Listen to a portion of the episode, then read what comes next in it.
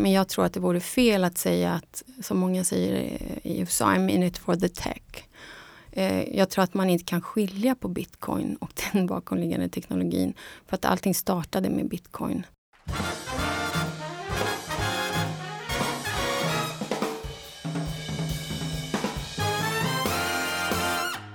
Ja, då var det dags för Bitcoin-poddens svåra fjärde avsnitt. Det här är ju podcasten som handlar om bitcoin och kryptovalutor och som produceras av kryptonyhetssajten Trio News där jag, Christian Plog, är chefredaktör.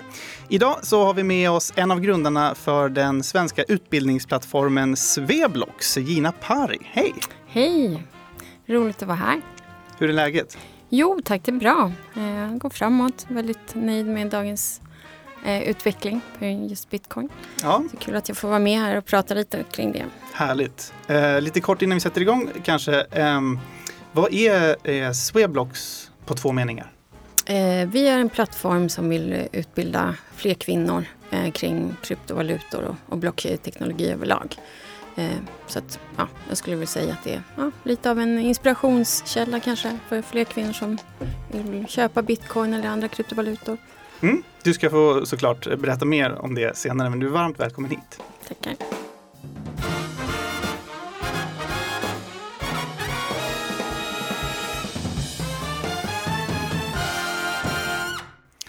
Vi kan väl ta och börja med lite bakgrund om dig så lyssnarna får lite koll på vem du är. Så um, var kommer du ifrån och vad har du gjort i livet fram till att du hittade bitcoin? Ja, eh, jag eh, upptäckte bitcoin i mina år när jag bodde i München faktiskt. Eh, men eh, det var först 2013, och slut på 2013 när jag var mammaledig som jag började leta efter olika saker att investera i. Och eh, brukade alltid kolla IPOs på Nasdaq och sådär. Av en ren slump så kom jag, ja, kom jag in på just det som sen blev ja, min investering inom bitcoin och litecoin. Eh, och då var det väldigt jag förstod inte riktigt teknologin bakom allting men jag tyckte att det lät väldigt spännande och speciellt med tanke på att jag är från Bolivia så tyckte jag att det skulle vara intressant att ha ett alternativ till eh, ja, det väldigt begränsade finansiella systemet vi har i, i mitt hemland. Eh, så att eh, ja, och det var eh, det hände väl inte så mycket. Jag förstod inte riktigt vad jag hade investerat i men det lät lovande som sagt. Och sen eh, ungefär två år senare så var min investering nere i ungefär hälften. det är nog många som har investerat i bitcoin eller andra kryptovalutor som har upplevt det, att det går ner i värde. ja, precis. Ja. Så då tänkte jag, ja, vad kan man göra? Kan man hodla lite och se vad som händer? Eh, och sen så kom 2017 och det blev mm. väldigt intressant. Just det. Mm. Helt plötsligt. Priserna bara rusade. Bitcoin nästan uppe på 20 000 dollar. Exakt, exakt. Men i början på året så tyckte jag att ja, men det här ser väldigt intressant ut. Nu är det uppe i 2-3 tusen. Och sen så, så följde man ju utvecklingen även från eh, IMF då. Kristina eh, Lagarde, hon uttalade sig i november så steg kursen till ungefär 6-7 tusen. Och sen så kom det in fler aktörer och ja, så fick vi en bullrun då. Eh, där i december som vi alla kan komma ihåg. Mm. det var uppe i strax över 20 000. Eh, så att, eh, men jag tror att om man zoomar ut så tror jag överlag att inte bara från ett investeringsperspektiv eh, så tror jag att bitcoin och kryptovalutor generellt sett är väldigt intressanta som ett alternativ till, till dagens finansiella system. På vilket sätt då? Kan du ge ett exempel?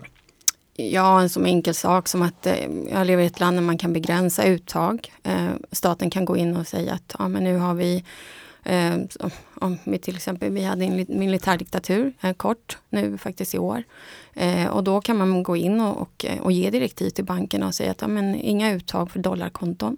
I Bolivia? Och, ja, exakt. Mm. Eh, inga uttag över ett visst belopp.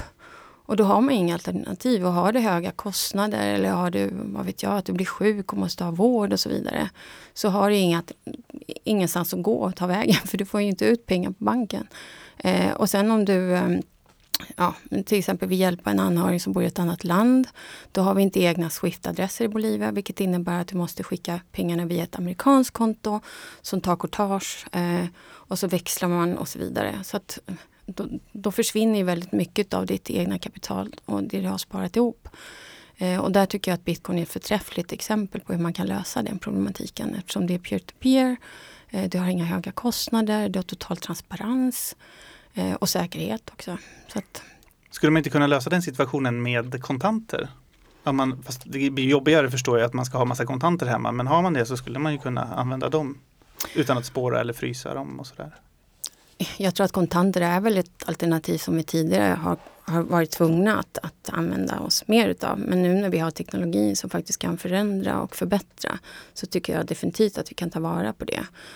Nackdelen med kontanter är ju att jag tänkte på eh, människor som i Bolivia faktiskt inte öppnar sina konton för att de inte är kreditvärdiga. Att de inte har möjlighet att ta ut försäkringar, eh, de kan inte spara pengar, de kan inte ta lån och så vidare. Och det medför enorma problem eh, socioekonomiskt på ett, på ett ganska stort plan. Och där tror jag att bitcoin och andra större kryptovalutor definitivt kan vara ett alternativ för de personerna också. Att fortsätta ta del av ekonomin fast på ett annat sätt. Så att, eh, det är väldigt tacksamt. Jag tror att det, det här ser vi även i, i Argentina. Eh, med Sweblock så blev vi även skickade eh, som en del av en skandinavisk delegation till Mexiko. Och där ser man mycket mer positivt på kryptovalutor överlag. Eh, och vad gäller viktiga initiativ som vidareutveckling på universitet och så vidare så har man ju Sustainable Finance nu. Vad som, betyder det? Nej men att man kanske jobbar för att kunna öppna upp andra alternativ. Eh, vi har ju en ganska lång historia av volatilitet. Vi har väldigt centraliserade ekonomiska system. Vi har, eh, nu tänker jag på eh, efter oljekrisen, när det har varit i många latinamerikanska länder där vi är extremt beroende av exporter, en ganska volatil marknad. Och jag tror definitivt att anledningen till att kryptovalutor har börjat användas på ja, lite oftare än, än, i Europa, jag har ingen statistik på det här, är just för att det är ett eh, eh, ja, långsiktigt en väldigt bra lösning för många av våra problem. Men inte bara på ett ekonomiskt plan. Men det här är min personliga åsikt. Ja, men vilka problem eh, skulle kryptovalutor kunna lösa, tänker du då? Jag tror att det beror på lite. Om man, om man tittar kortsiktigt så har vi ju i länder som till exempel Filippinerna och många asiatiska länder problem med plast. Då finns det NGO som har skapat egna tokens eh, baserat på Ethereums plattform. Eh, så man kan lösa in plast mot en viss kryptovaluta. Och sen så kan man ta den här kryptovalutan som du får på mobilen och lösa in mot ris, olja och så vidare. Och vi har inte riktigt det initiativet eh, i många länder här i väst. Men, men jag tror definitivt att det kommer att förekomma fler och fler sådana alternativ. Eh, där, man faktiskt ja, inleder någon slags barter trading eller eh, vad det nu heter. Nu glömde jag bort det specifika ordet på svenska. Jag många utom, utomlands, jag kan skylla på det. Eh, ut, utbyteshandel, att man verkligen... Eh, nu är man ju beroende av, om du tänker dig en mikrokrediter, så måste du ändå ha en ganska stabil inkomst, du ska kunna visa det. Du kanske inte har möjlighet att åka från din by in till stan och så vidare. Så att, eh, jag tror att det, det vållar enorma problem. Och om man tittar på Världsbanken och deras analys utav eh, det vi har idag som ändå är 2,7 eh, miljarder människor som inte har kreditvärdighet. Så har cirka en tredjedel, om inte fler, utav de personerna en smartphone. Och därmed har du möjlighet på tekniskt plan att kunna skapa en, ja, ett annat system så du ser det mycket som en, en trygghet för många människor i världen att eh, liksom ha, Absolut. ha självständighet och kunna liksom styra och bestämma och kontrollera sina egna tillgångar? Då? Definitivt. Skulle du säga att det är mer så i länder som Bolivia medan eh, i, här i Norden, i Sverige, så är det mer att folk köper till exempel bitcoin som en investering? Ja, exakt. Precis. Och sen så finns det andra kryptovalutor som kanske används mer. Jag vet att Dash har varit väldigt populärt i Venezuela. Jag har lite kontakt med eh, Venezuelan Blockchain Association. Och sen så vet jag att eh, ja, man, man har gått in kanske och tittat på privacy coins på ett annat sätt och använt dem mer eftersom man ändå har eh, ja, en despotisk regering som kanske inte tillåter att man... Ja, privacy coins är mycket svårare så att säga att eh, att spåra än till exempel bitcoin där man ändå kan se transaktionerna i blockkedjan. Så att jag tror att det, ja, i Sverige har du ju definitivt inte samma eh, behov som eh, individ för det första, för vi har tjänster som Swish och vi har pålitliga banker och vi har en stabil ekonomi. Vi har inga exogena värden som gör att vår ja, finansiella struktur är väldigt volatil. Och det här leder ju såklart till en helt annan eh, ja, dynamik och ett helt annat behov i, i länder som ja, ja, både i Afrika och Latinamerika och säkert Asien också.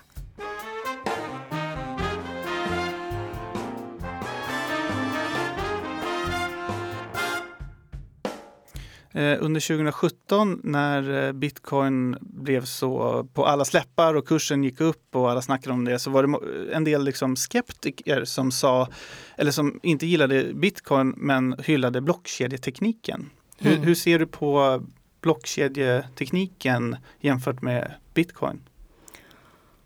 Jag tycker en bra fråga.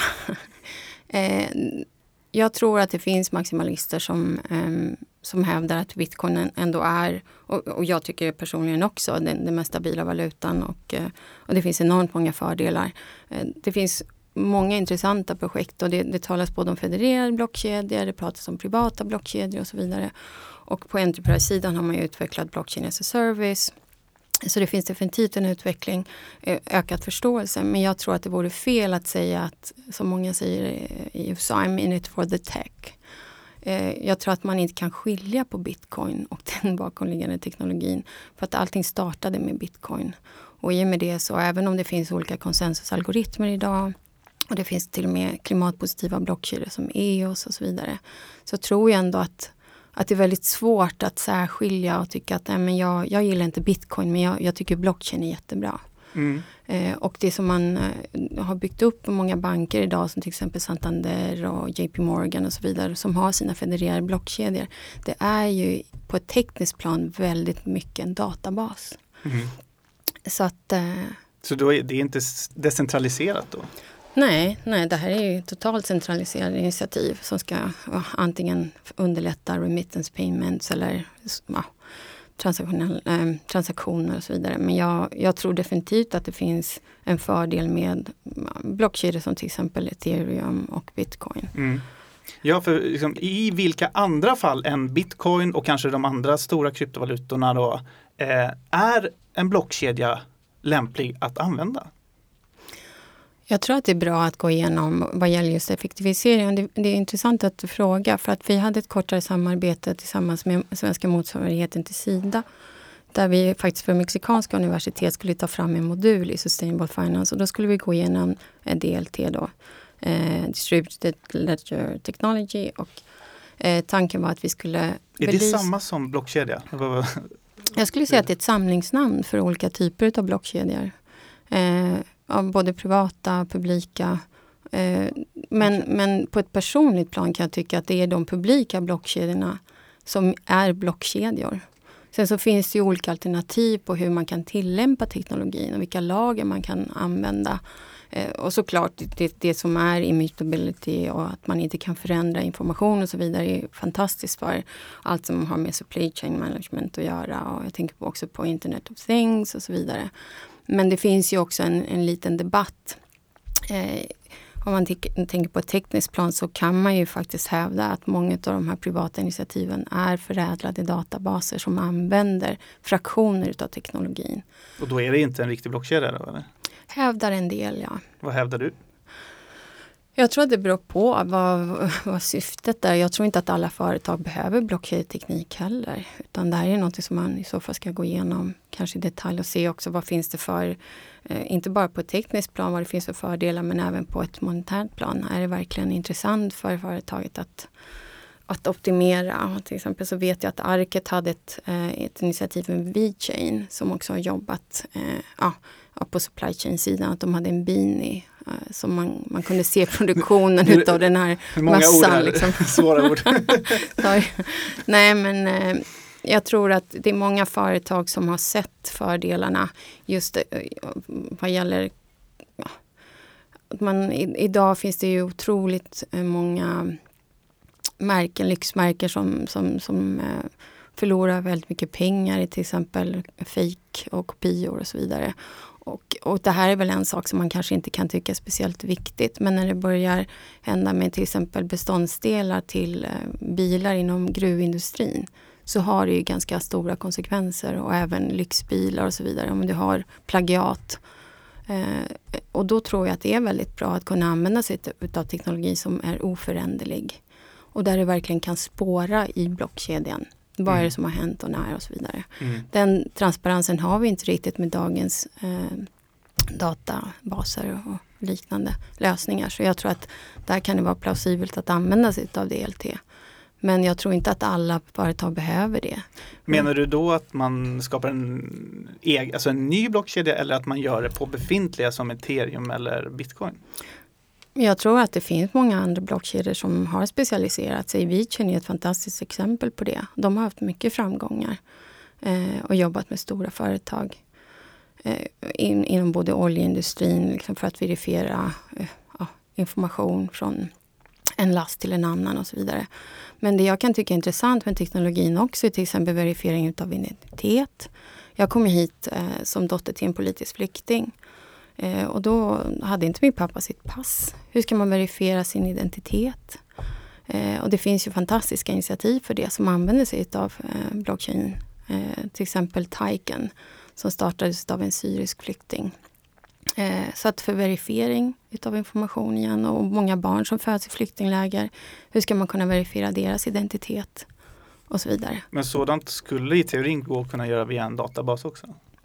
Ja, nej, för att databaser är ju liksom i sin natur väldigt centraliserade. Så då måste man ju ändå, tror jag, i det här fallet, det, det som är deras produkt är att du, du, ska kunna verifiera informationen och verkligen säkerställa att den inte förändras heller.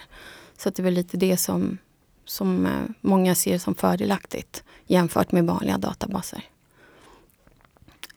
Och eh, ja, man sänker ju kostnader också. Om man verkligen har, kan förlita sig på information så kan du ju långsiktigt också spara in rätt mycket pengar på det. Mm. Men, men som sagt, det finns ju enormt många användningsområden.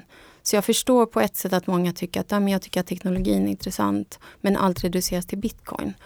Men å andra sidan så tror jag att det är mycket tack vare bitcoin som man har startat många initiativ som idag används till många andra saker. Handlar det inte lite grann om hur stor eller hur pass, hur pass decentraliserad en, eh, en kryptovaluta eller en, en blockkedja är. Så att den inte blir, att den är för liten och kanske blir sårbar för 51% attacker och så vidare. Aha. Och att det är väldigt få kryptovalutor ändå som har bevisat sig och är så pass säkra helt enkelt att man kan lita på dem. Mm, nej men absolut. 51% attacker finns ju jag tänker också på att nackdelarna med just om man tittar på mindre blockkedjor, precis som du nämnde, så är det väldigt enkelt i teorin att kunna gå ihop. Att man har olika poler som verkligen går ihop och, och skapar den typen av instabilitet i en blockkedja som gör att man då i så fall måste skapa en fork och så vidare. Men eh, jag tror att i framtiden, och det ser vi idag, har vi över 7000 olika kryptovalutor. Och sen så finns det olika sätt att kunna se om det är tokens och ja, en riktig krypto så att säga. Men jag tror definitivt att, eh, att vi, vi, inte har kommit så långt. Vi är, tror jag, ett väldigt tidigt stadium också vad gäller blockkedjor.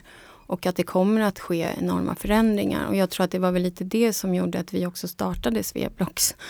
det var väldigt postmaterialistiskt för vi tänkte att det vore ju så roligt att den här teknologin som är så fantastisk kunde förbättras även med fler kvinnor som bidrar, alltså på, både på investeringsplan men även vad gäller att förbättra produkterna, marknadsföringen av väldigt intressanta initiativ. För det finns otroligt många fantastiska white papers. Liksom. Men, men produkten kommer inte ut för de kanske inte har bra marknadsföring.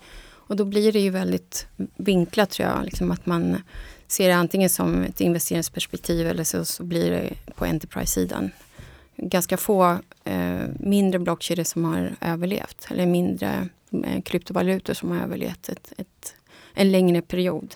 Jag tänker på Sakura Coin och så vidare. Massa initiativ som har varit hypade. Sen så var det många som eh, drabbades av pump dump schemes och sen ja. Ska vi förklara kort vad 51 procents attack är också? Ja, nej men absolut. Eh, I teorin vad som kan förekomma om det finns en minerpool som är korrupt så att säga, så försöker man spendera de token som finns i blockkedjan eh, två gånger. Så att det de kan göra då är att ta över, om du tar över mer än 50 procent, alltså vilket mm, majoriteten, majoriteten mm. så är 51 procent och därifrån kommer namnet, så har du en så kallad dubbelspenderarattack. Och det här betyder att den här korrupta eh, minerpoolen då kan skapa en ja, en fork egentligen.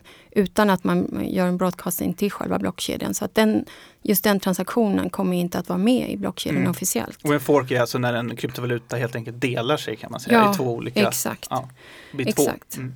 Så då skapar man en version av blockkedjan som inte ses officiellt av blockkedjan. så att säga. och det innebär att man kan dubbelspendera. Eh, men, men det här kräver enormt mycket resurser. Mm. Eh, vi, vi, har ju ja, det finns ju ASIC-pooler idag som är väldigt Ja, jag tänker på minersidan nu, om man ska tänka på alla ASIC-pooler och centralisering i Kina och sådär, så, så skulle det egentligen kunna gå. Men det kräver ju att man konfigurerar många, många pooler för att göra det. Och man kan säga att ju, alltså, ju mindre eh, kryptovalutan är, desto lättare är det att göra en, en 51 attack. Ja, absolut. Men då är frågan om det verkligen är Eh, med tanke på hur mycket energi och resurser du ändå måste investera i en sån attack, om det verkligen är lönsamt också på den andra sidan så att säga.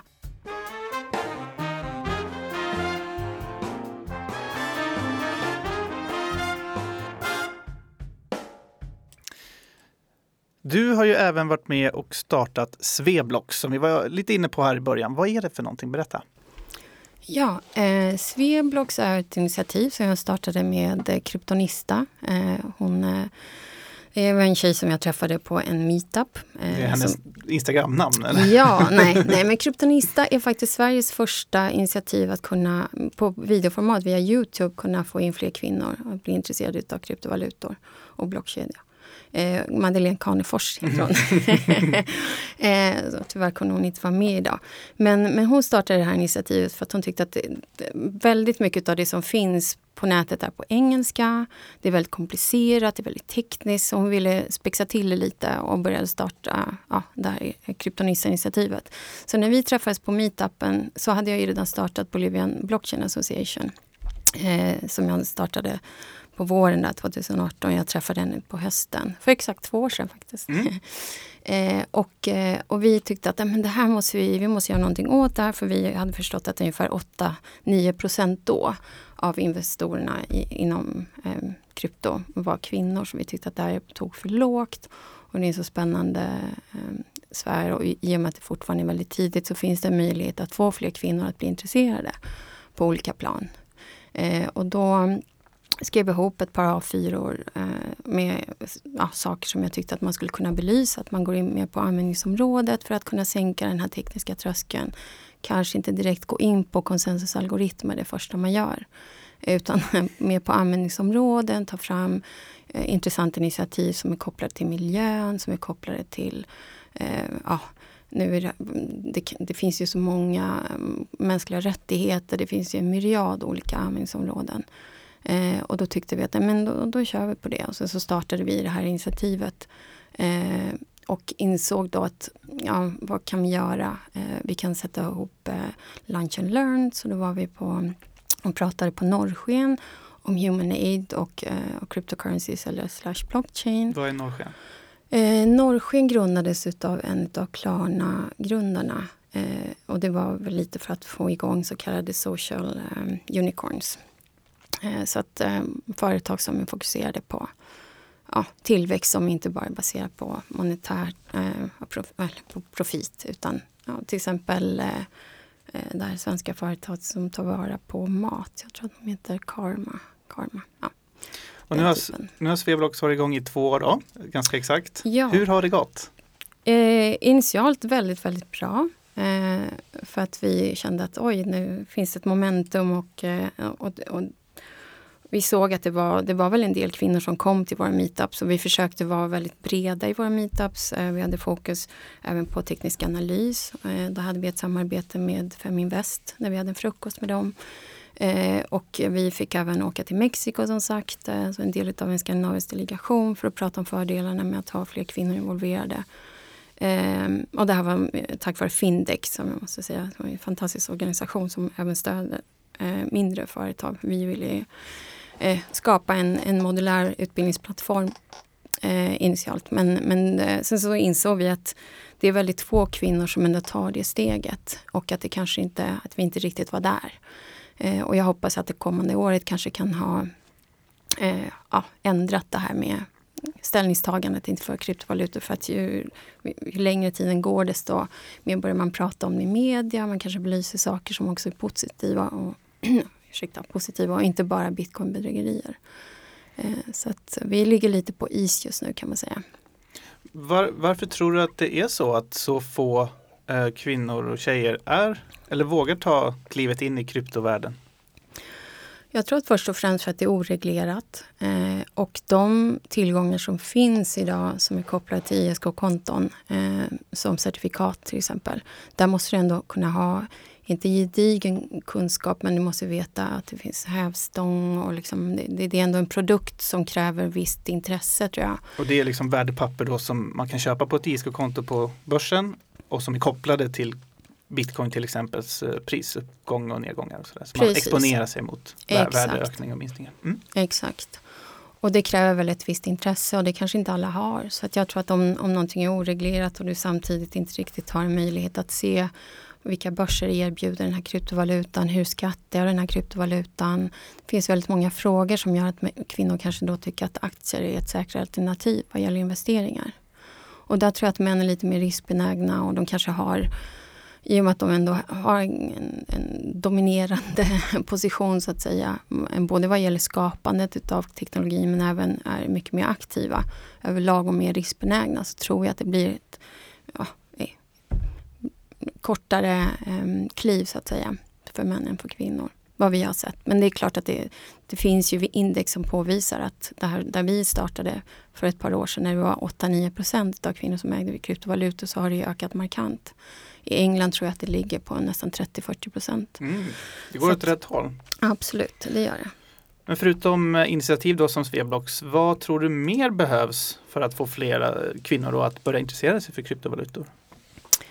Eh, att, att, inte prata så mycket om tekniken, bakomliggande teknologin. Det finns ju jättebra alternativ, så till, exempel Binance Academy som är helt gratis. Man kan gå in och, och lära sig om kryptovalutor. Men det känns som att nästan alla plattformar, utbildningsplattformar går in på teknologin. Så här, vad, vad, är konsensusalgoritmerna? Vad är proof of work? Vad är proof of stake? Och där förlorar man väldigt många. Så det vi tänkte göra, eller det vi försökte göra, var att vända på allting.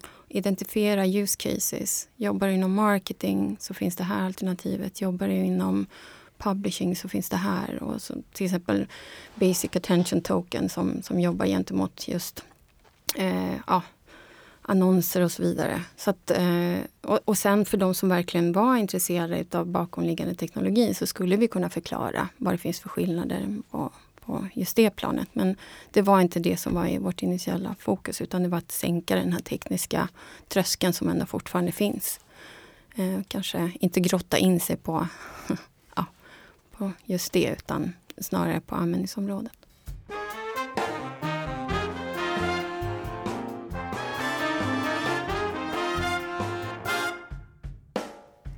Vad tror du om bitcoin idag då och eh, framåt? Eh, det har varit ett väldigt turbulent år. Eh, vi på många i, sätt. ja, exakt. på väldigt många plan. Vi, vi startade ju ehm, kanske inte som vi hade hoppats. Det var ju många som tänkte att 2019 skulle vara ett väldigt bra år. Att vi skulle ja, öka mer än vad vi hade gjort innan och så vidare under 2018. Så jag tror att vi var väl nere på 4 000 ett tag och sen stadigt runt 6 och sen under 8. Jag tror definitivt att eh, ja, de senaste månaderna har varit väldigt intressanta. Eh, och jag tror att det är någonting som kommer att stanna kvar. Jag tror inte att vi kommer att gå ner till en 6 000 igen eller ens 8 000. Utan vi har ju varit stabila på ungefär 11, 11 12 nu väldigt länge och eh, även 13 000. Så jag tror definitivt att det finns en, kanske inte en parabolic phase som många har pratat om. Men att det definitivt kommer att stabiliseras på runt 15K. Vad tror du är som kommer driva utvecklingen för bitcoin och kryptovalutor de närmaste åren? Ja, jag tänkte att nu har ju eh, Paypal eh, fått upp ögonen för krypto, eh, vilket är fantastiskt. Även för bitcoin såklart, eftersom det är många som investerar i bitcoin. Men jag tror också att många eh, företag, större företag men även regeringar börjar investera i kryptovalutor. Att man börjar se bitcoin som en digital depå, gulddepå. Eh, och jag vet att Bulgarien har investerat väldigt mycket och jag skulle inte bli förvånad om andra länder, även Latinamerika, har gjort det. Så att jag, jag är väldigt eh, övertygad om att just OTC bidrar till att vi har en mer stabil kurs och, och säkert ja, antalet bitcoin som har minats nu. Vi har, kommer ändå att nå 21 miljoner. OTC? Eh, over the trade. Over the counter? Over the counter trading, exakt. Och det betyder? Eh, institutionella pengar. Eh, ja, regeringar och större företag som investerar. Och man gör affärer kanske utanför de vanliga börserna och marknaderna? Ja, precis. Mm. Och det finns ju andra aktörer också, Grayscale, det finns en myriad olika företag som erbjuder eh, ja, både certifikat och andra tjänster. Så att jag tror att det, det, det, är en signal på att vi verkligen har börjat få mycket mer mognad för vad gäller förståelsen för kryptovalutor överlag och sen just bitcoin. Jag brukar fråga mina gäster eh, faktiskt om det vi pratar om, bitcoins framtida pris. Eh, för jag tycker det är lite kul, för det här kan man ju faktiskt följa upp rent konkret. Mm. Så då undrar jag, eh, vad tror du en bitcoin kostar den 31 december 2021? Alltså nästa år. Ja, jag skulle vilja säga minst 20 000 dollar hoppas jag på. Mm. Eh, men eh, det är väldigt, väldigt svårt att säga. Det var ingen som hade kunnat förutspå att vi skulle vara nere i 4-6 tusen i år, 2017. Eh, men, men jag hoppas på åtminstone 25 000 dollar. Tack så mycket för att du kom hit idag, Gina Pari från Sveblogs. Tackar. Och tack också till dig som har lyssnat här på Bitcoinpodden. Synpunkter, frågor och annat kul kan mejlas med fördel till mig på christian.plog.trio.co. Du kan även följa oss på Instagram där vi heter Bitcoinpodden helt enkelt. Nu tackar vi för idag och önskar på återhörande.